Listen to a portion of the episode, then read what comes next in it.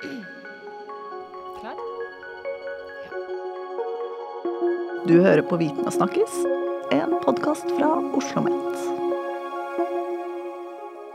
Hei og velkommen til en ny episode av podkasten Viten og snakkes. Jeg heter Jeff Lugau og jobber i kommunikasjonsavdelingen ved Oslo OsloMet. Og med meg i studio i dag så har jeg Nan Tso Bakkeli, som er forsker to ved SIFO Forbruksforskningsinstituttet her ved Oslo OsloMet. Nam, Nan, vil du si noe mer om din forskningsbakgrunn? Ja, jeg er sosiolog. Um, har en ph.d. i sosiologi fra Universitetet i Oslo. Også nå jobber jeg på SIFO. Og mitt forskningsfelt er om ulikhet, generell sosial ulikhet, økonomisk ulikhet, også hvordan det henger sammen med helse. Og nå på SIFO så er jeg med på forskjellige prosjekter som handler om gjeld. De som er, eh, de som er gjeldsofre, og de som eh, skylder mye penger. Hvordan er livet deres, hvordan er arbeidssituasjonen, og hvordan er helsa deres. Og i dag skal vi snakke om no, noe av den nyere forskningen, forskningen, du har drevet med. Uh, du har nemlig publisert en artikkel tidligere i år i uh, tidsskriften Social Science and Medicine Population Health. Uh, og så skal du snart også publisere en ny artikkel. Um, og de to artiklene de handler om litt det samme tema, eller de temaene går i hverandre. Kan du presentere kort hva, hvilke tema du har forska på nå i det siste? Ja, disse to artiklene handler om psykologisk helse. Så, så den første uh, artikkel handler om life satisfaction, altså noen ganger vi kaller for subjective well-being, um, eller lykkelig, hvor lykkelig man er. Og den andre artikkelen handler om psykisk helse, og særlig depresjon. Og vi ser på den sosiale aspekt, eller de sosiale aspekter ved uh, helse, særlig mental helse, og ser på arbeid, arbeidsmarkedsmarginalisering. Også hvordan eh, folks livssituasjon er, husholdstyper osv., og, og, hvordan de henger sammen med deres uh, life satisfaction. Er det noe koronaknag, ikke for å røpe hva du har forsket på nå det siste året, men er det noe koronaknag i den forskningen her? Ja, nettopp. Disse to, begge to handler om korona, faktisk. Så den første artikkelen er da sammenligne hvor lykkelig man er før og etter koronaperiode i 2019 versus 2020. Og så ser vi på hvordan life satisfaction henger sammen med helse og arbeidssituasjon. Og Den andre artikkelen er da å se på forskjellige perioder i korona i 2020 versus 2021, og se på depresjon. Hva sosiale aspekter har å si for uh, folks uh, psykologisk helse. Du er, uh, for å si det sånn, ikke alene i å forske på ja, ulike sider ved pandemien. Eh, mm. Var det noen hull i eksisterende forskning som du hadde lyst til å fylle med de forskningsprosjektene du har, eh, du har jobbet med det, det, siste året? Ja. Um, faktisk motivasjonen til den første artikkelen er at uh, vi leser på noen rapport og leser på noen artikler, og så fant vi ut at folk som ser på de som er, er mer sårbare grupper, de ser på folk som har lav inntekt, særlig de som ikke har jobb. Um, men så er det en gruppe folk som faktisk har jobb, men de har dårlig helse. Så de er på en måte sårbare, men de er litt klemt imellom grupper. Og de har jeg ikke sett så mye på. Og det er på en måte et hull som vi har lyst til å fylle på. det. Um, I tillegg, på den andre artikkelen, så um, prøvde vi å predikere mentale helseproblemer som depresjon. Og det har vært veldig mye studier i psykiske eller psykologiske studier eller uh, psykiatriske studier som predikerer depresjon, men det er ikke så mange som bruker sosiale forhold. Så vi prøvde å bruke sosiale forhold, demografis, demografiske variabler og sånne ting for å se hvordan depresjon blir. Det er kanskje ikke helt opplagt for alle hvilken, hvilken sammenheng det, det, er mellom de tingene du nevner, altså mellom mm. helse, arbeid og life satisfaction eller velvære. Mm. Eh, kan du forklare hva sammenhengen mellom de tre tingene er? Altså både dine, altså ut fra dine egne funn, men mm. også um, ut fra eksisterende forskning. Ja, det har vært veldig mye som forsket på life satisfaction. Det er egen litteratur om det, på en måte. Og det er eh, økonomisk forhold, som man ser ganske mye på, og det er helse, som man ser ganske mye på. Også når det gjelder om helse, så kan man tenke på hvis man har dårlig fysisk helse eller psykisk helse. Det her på en måte naturligvis virket inn og påvirker hvor lykkelig man er. På den andre siden så har det vært ganske mye studie om økonomisk situasjon, som f.eks. inntekt. Så det har vært litt debatt om sånn arbeid som gir inntekt, og de som har høyere, lavere inntekt, de har forskjellig life satisfaction. Men noe annet mente også inntekt er i seg selv kanskje ikke så viktig, men det er noe som såkalt relativ deprivasjon, eller noen man sammenligner med andre. Hvis det er andre som har arbeid, men du har ikke arbeid, eller hvis det er andre som har høyere inntekt, mens du har lavere inntekt, så vil den ha større påvirkning på hvor lykkelig man er, eller hvor eh, tilfredsstilt man er med livet sitt. Skjønner. Men Det gir jo veldig mening. Mm. I den studien vi har som utgangspunkt for den artikkelen du publiserte tidligere i år, uh, så tar du utgangspunkt i selvrapportert um, health and life satisfaction, altså mm. tilfredshet med egen helse og livet. Uh, er det er det et trygt og liksom pålitelig grunnlag for å basere forskning på? Altså en slik subjektiv vurdering av egen helse og egen livskvalitet? Hvorfor ja. tar du det valget du gjør? Det er et veldig godt spørsmål, faktisk. Um, denne såkalt self-report uh, health, SRH, um, den sier noe om um, hvordan du vurderer din helse i dag, fra en skala fra 0 til 10 eller 0 til 5 og så skal du rangere fra den laveste mulige helse til den beste mulige helse, hvor du vil plassere det selv. Det målet har blitt faktisk veldig mye brukt, særlig i samfunnsvitenskap, og det har vært veldig mye studier som på en måte har undersøkt korrelasjon mellom den selvrapporterte helse og kliniske helse. Og de har veldig høy korrelasjon. Dvs. Si de to uh, typer måling av helse de sier i stor grad om hverandre. Uh, altså det er testet som et valid mål. Men hovedsakelig jeg valgt å bruke, eh, å bruke selvrapportert helse pga. det er en veldig lett tilgjengelig måte å få informasjon. Og hvis man sender ut spørreskjema og spør folk om helse, så det er mye lettere at de krysser på en skala, i stedet for å hente inn informasjon fra leger eller fra registerdata og sånn. Så det er mye billigere å få sånn informasjon, og mye lettere, da. Men samtidig er det poli eh, en pålitelig kilde til kunnskap om uh, hvordan ja. folk faktisk har det. Det er mm. det du sier. Ja. Også når man måler på life satisfaction, det er også forskjellige måter man gjør det. Man kunne ha uh, laget en, en um, indikator med mange spørsmål, men igjen um, Forskning er basert på tilgjengelig data, og data jeg brukte på den første artikkel er samlet gjennom AFI, arbeidslivsbarometer, og de har disse informasjonen som ligger der. Så det er nesten litt waste hvis man ikke bruker sånn informasjon. Så det er jo veldig lett, og det er bra mål med disse variablene. Det er egentlig en fin overgang til eh, mitt neste spørsmål, som går på metode. Ja. Um, du brukte AFIs uh, Hva heter det barometeret du brukte? Arbeidslivsbarometer. Mm. Um, kan du forklare hvordan, hvilke metoder du brukte um, da du utformet den studien vi snakker om? Ja. Um, metode jeg brukte, heter propensity, propensity score matching. Det er en type matchemetode. Så grunnen i det er at du vil sammenligne likt med likt. På en måte, Du vil ikke sammenligne epler og pærer.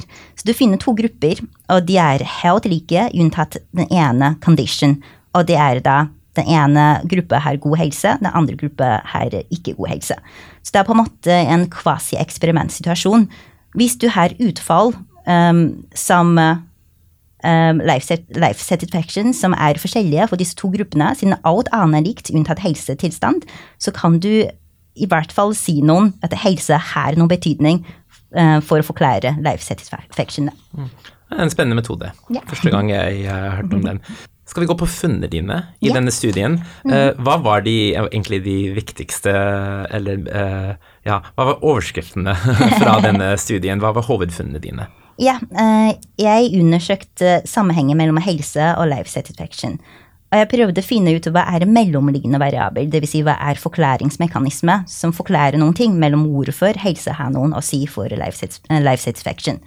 Og den variabelen er arbeid. Um, så det vi har funnet ut, er at jo, vi vet at helse, de som har dårligere helse, har dårligere life satisfaction. Men i koronatiden så har de som har dårligere helse, enda verre um, life satisfaction. Og den grunnen til uh, at man hadde enda dårligere under korona, er at denne gruppen folk som er faktisk ansatt, har inntekt, men har dårlig helse, de er mer utsatt for dårligere arbeidsvilkår. Så hvis det er noen uh, omorganisering om organiseringsprosess som skjer i arbeidslivet. Så det er denne gruppen som er mest utsatt, enten blir permittert eller får dårligere um, arbeidssituasjon. Så det er det som gjør de mer bekymret, og det er det som eh, kan forklare at life satisfaction har blitt enda verre under korona sammenlignet med før korona. Ved, ved, inngangen til denne studien så du med, utarbeidet du noen hypoteser. Um, mm. Men det var ikke alle hypotesene som, uh, som ble uh, bekreftet av forskningen din. Var det noen funn som overrasket deg? Uh, ja. ja. Kan du fortelle om de? Yes. Um, som sagt, jeg prøvde å se på den mellomliggende variabel som er arbeid. Men det er jo forskjellige måter å måle på arbeid. F.eks. versus yrke du har, stillingskode.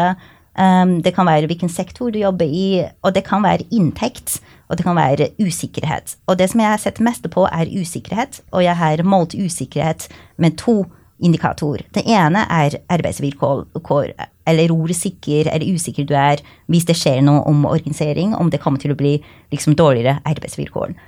Den er signifikant, dvs. Si den har en betydning. Men en annen indikator som jeg har brukt, er inntektstap. Mm vi har spurt de pga. korona, har du, uh, har du opplevd inntektstap pga. korona eller ikke? Så svarer folk ja og nei. Vi tenkte på sånn inntektstap kunne ha, si noen om sånn økonomisk situasjon, man blir stressa osv. Eh, vi trodde det ville være en påvirkning mellom helse og um, life satisfaction, men det vi har funnet ut, er jo, helse har gjort at det er større sjanse, man taper inntekt. Men inntekttap i seg selv den bidrar ikke så mye til life satisfaction. Eh, eller lavere life satisfaction. Så det er eh, faktisk veldig interessant. Har du noen forklaring på det? Er det noen teorier ja. om hvorfor det, ble sånn? Ja. Eh, den, den, ene ting man kan koble til, er velferdsstat. Mm. Fordi folk lever i Norge. Vi har faktisk en veldig sjenerøs velferdsordning. Så hvis man mister jobb, hvis man blir permittert, så er det noen som hjelper deg økonomisk. Så tilsvarende studie fra andre land, internasjonale studier, de har funnet ut at folk som tapte inntekter, de hadde mye verre. Men vi hadde ikke slikt i Norge. Så det er jo den velferdsstrukturen som har noe å si. Um, på den andre siden, så det er også en seleksjonseffekt. Vil si, hvem som taper inntekt, det er jo de som i utgangspunktet har jobb. Og for de som ikke har jobb, de har heller ikke tapt inntekt. Så den gruppen som in, har in, opplevd inntektstap, det kan i seg selv um, ikke i den verste posisjonen, da, på en måte. Og de som ikke opplevde inntektstap, det er også en heterogen gruppe. Det kan være folk som bare hadde helt likt som før, men det kan også være folk som ikke var i arbeid, derfor de har heller ikke opplevd noen inntektstap. Så det er også denne liksom uh, ulike sosiale grupper som i den samme kategorien som kan lage type støy for hverandre og nulle ut denne effekten. Jeg har lyst til å se litt nærmere på dette med stress og, og, og vanskeligheter som uh, ulike mennesker i Norge opplever på, på, jobben sin. Går det an å eh, utpeke noen grupper eh, som opplever mer stress og, på jobb, eller som opplever arbeidet sitt, jobbsituasjonen sin, som mer um, ja, utfordrende? Ja, um, det er um, først og fremst Man kan tenke på folk som har usikker um, eller ustabil tilknytning til arbeid. La oss si folk som um, har en midlertidig arbeid, eller folk som uh, jobber gjennom vikarbyrå. De er jo denne gruppen, det er denne gruppen som hadde liksom mest uforutsigbar arbeidssituasjon. Så de vil bli mer stressa. Samtidig så er det en annen gruppe som de måtte gå ut. De har ikke mulighet til å sitte hjemme med hjemmekontor. De må utsette seg for å kontakte fysisk med andre personer. Og denne gruppen folk, de vil jo også bli mer stressa, fordi de har jo større risiko for å bli smittet av koronavirus. Um, for de som har hjemmearbeid, de som kunne sitte uh, hjemme med hjemmekontor, de har også utfordringer, f.eks. de med små barn. Og særlig i perioder da barnehage og skole har blitt stengt, så måtte de sjanglere på liksom, jobb på den ene side og arbeid um, knyttet til uh, hjemmekontor og barna og husarbeid. Så man kan tenke særlig for kvinner, da, fordi de tradisjonelt sett har tatt mer ansvar for barneomsorg og husarbeid. Og de må også jobbe med sitt fulltidsarbeid eller noe sånt, som gjør at de kan bli enda mer stressa når slik vi kaller for hjemmearbeid, konflikt, som skjer. Det er mulig du har sagt noe om det, men jeg har lyst til å bare spørre litt mer om um, uh, hvilke forskjeller du oppdager mellom tiden før korona og tiden etter korona.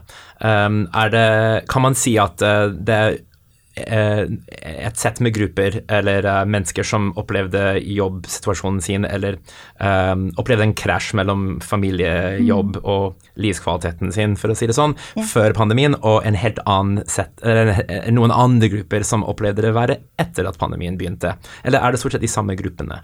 Det har vært noen endringer, men det som er mest interessant, det kobles sammen med den hjemme um, arbeid, konflikt, det er da folk som faktisk Eller per uten barn, det er de som har det best.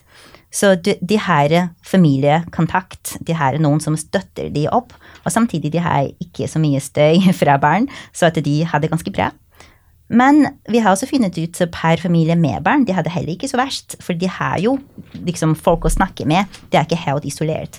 Men hvis man ser på grupper som um, folk som bor alene, og voksen som uh, bor med eldre, gamle foreldre, er det ikke så bra.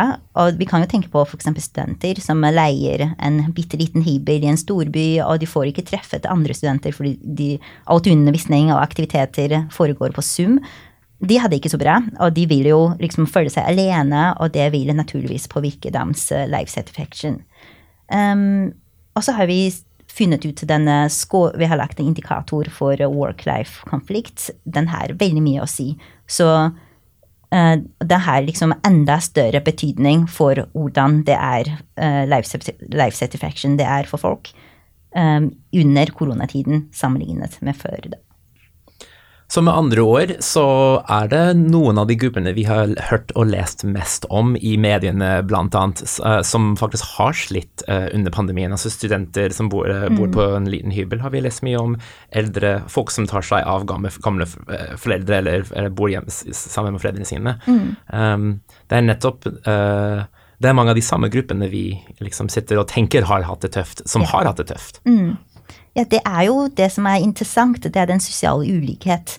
Det er liksom folk i ulike livssituasjoner, og folk har forskjellige um, muligheter. Det er det som gjør en stor forskjell. Det er ikke bare for deres uh, hvordan de følger, men det, er, det, kan også ha en innvirkning på deres uh, f.eks. mentale helsetilstand. Da. Så et eksempel er da hvis man tenker på eldre folk. Det har vært I begynnelsen av koronapandemi så snakker man ganske mye om å ikke kjøpe så mye auto fra butikk. Man kan online-shopping, kjøpe fra internett. Men ikke eldre, alle eldre folk har sånne type kompetanse. Man kanskje kjenner ikke internett så bra. De har ikke mulighet til å kjøpe, så de må gå ut og kjøpe. Særlig de tingene mat og dagligvarer. Um, også igjen de med studenter og yngre folk. Så på den andre studiet der vi holder på å predikere på hva slags uh, faktor som har mest betydning for å, predikere depresjon, så har vi funnet ut at uh, på det første året, i 2020 faktisk, så har de kliniske resultater eller symptomer som er koblet til korona. Det er det som har mest å si for hvor deppa man blir. Men på det andre året så er det disse sosiale faktorer som klikker inn, som alder, kjønn, særlig aldergruppa, de, eh, de yngste, som du sa, og eldste, de hadde jo veldig mye verre. Um, og så er det noe med arbeid, hva slags yrke man har. Eller eh, på det andre studiet vi har også sett på de som er ikke ansatt, de som er arbeidsledige. Så de hadde enda verre i senderfasen i korona. Så det er på en måte en hypotese er da Første året man er veldig alt er nytt, og man er veldig redd for helsen sin, men på det andre året så det er en type late effekt, en forsinket effekt av sosiale forhold som spiller inn, som har blitt enda mer viktig for folks psykiske helse. Til slutt så lurte jeg på om du har noen tanker om hvordan forskningen din kan anvendes. Eh, er det noe som eh, våre politikere, de som utformer politikk i dette landet, eh, burde fått med seg i utformingen av politikk? Som skal hjelpe og bidra til at folk flest får det bedre? Ja, um, det jeg tenker på er at um, ulikhet som vi observerer i helse, den er ikke bare kun biologisk eller klinisk. Det har veldig mye å si med sosiale forhold. Det har ganske mye å si med vår struktur å gjøre. Og det kan være en type sånn dårlig sirkel som man ikke bryter ut. F.eks. hvis man har en uh, uforutsigbar uh, arbeidssituasjon, så det vil stresse folk opp. Og når man blir stressa, så får man dårligere helse. Og når man har dårligere helse, igjen i den strukturen, de blir mer prioritert av å på en måte miste jobb eller permittert. Så det er denne dårlige sirkel som vi ønsker å bryte ut, og det er der strukturere ting kan skje. Som politikerne, eller de som um, herremakt, eller de som er interessert, kan jo se litt mer nærmere på sanne typer forhold, hvordan man kommer ut fra denne uh, dårlige sirkel. Og en ting er da man kan tenke på å skape mer stabil og forutsigbar arbeidssituasjon for de sårbare sosiale grupper, særlig for de f.eks. har dårlig helse. Nanso Bakkeli, takk for at du var med i studio i dag. Det var veldig spennende å høre om forskningen din. Eh, og til deg som lytter på denne podkasten, takk for at du var med i dag og eh, fulgte med eh, på denne samtalen. Vi hørs!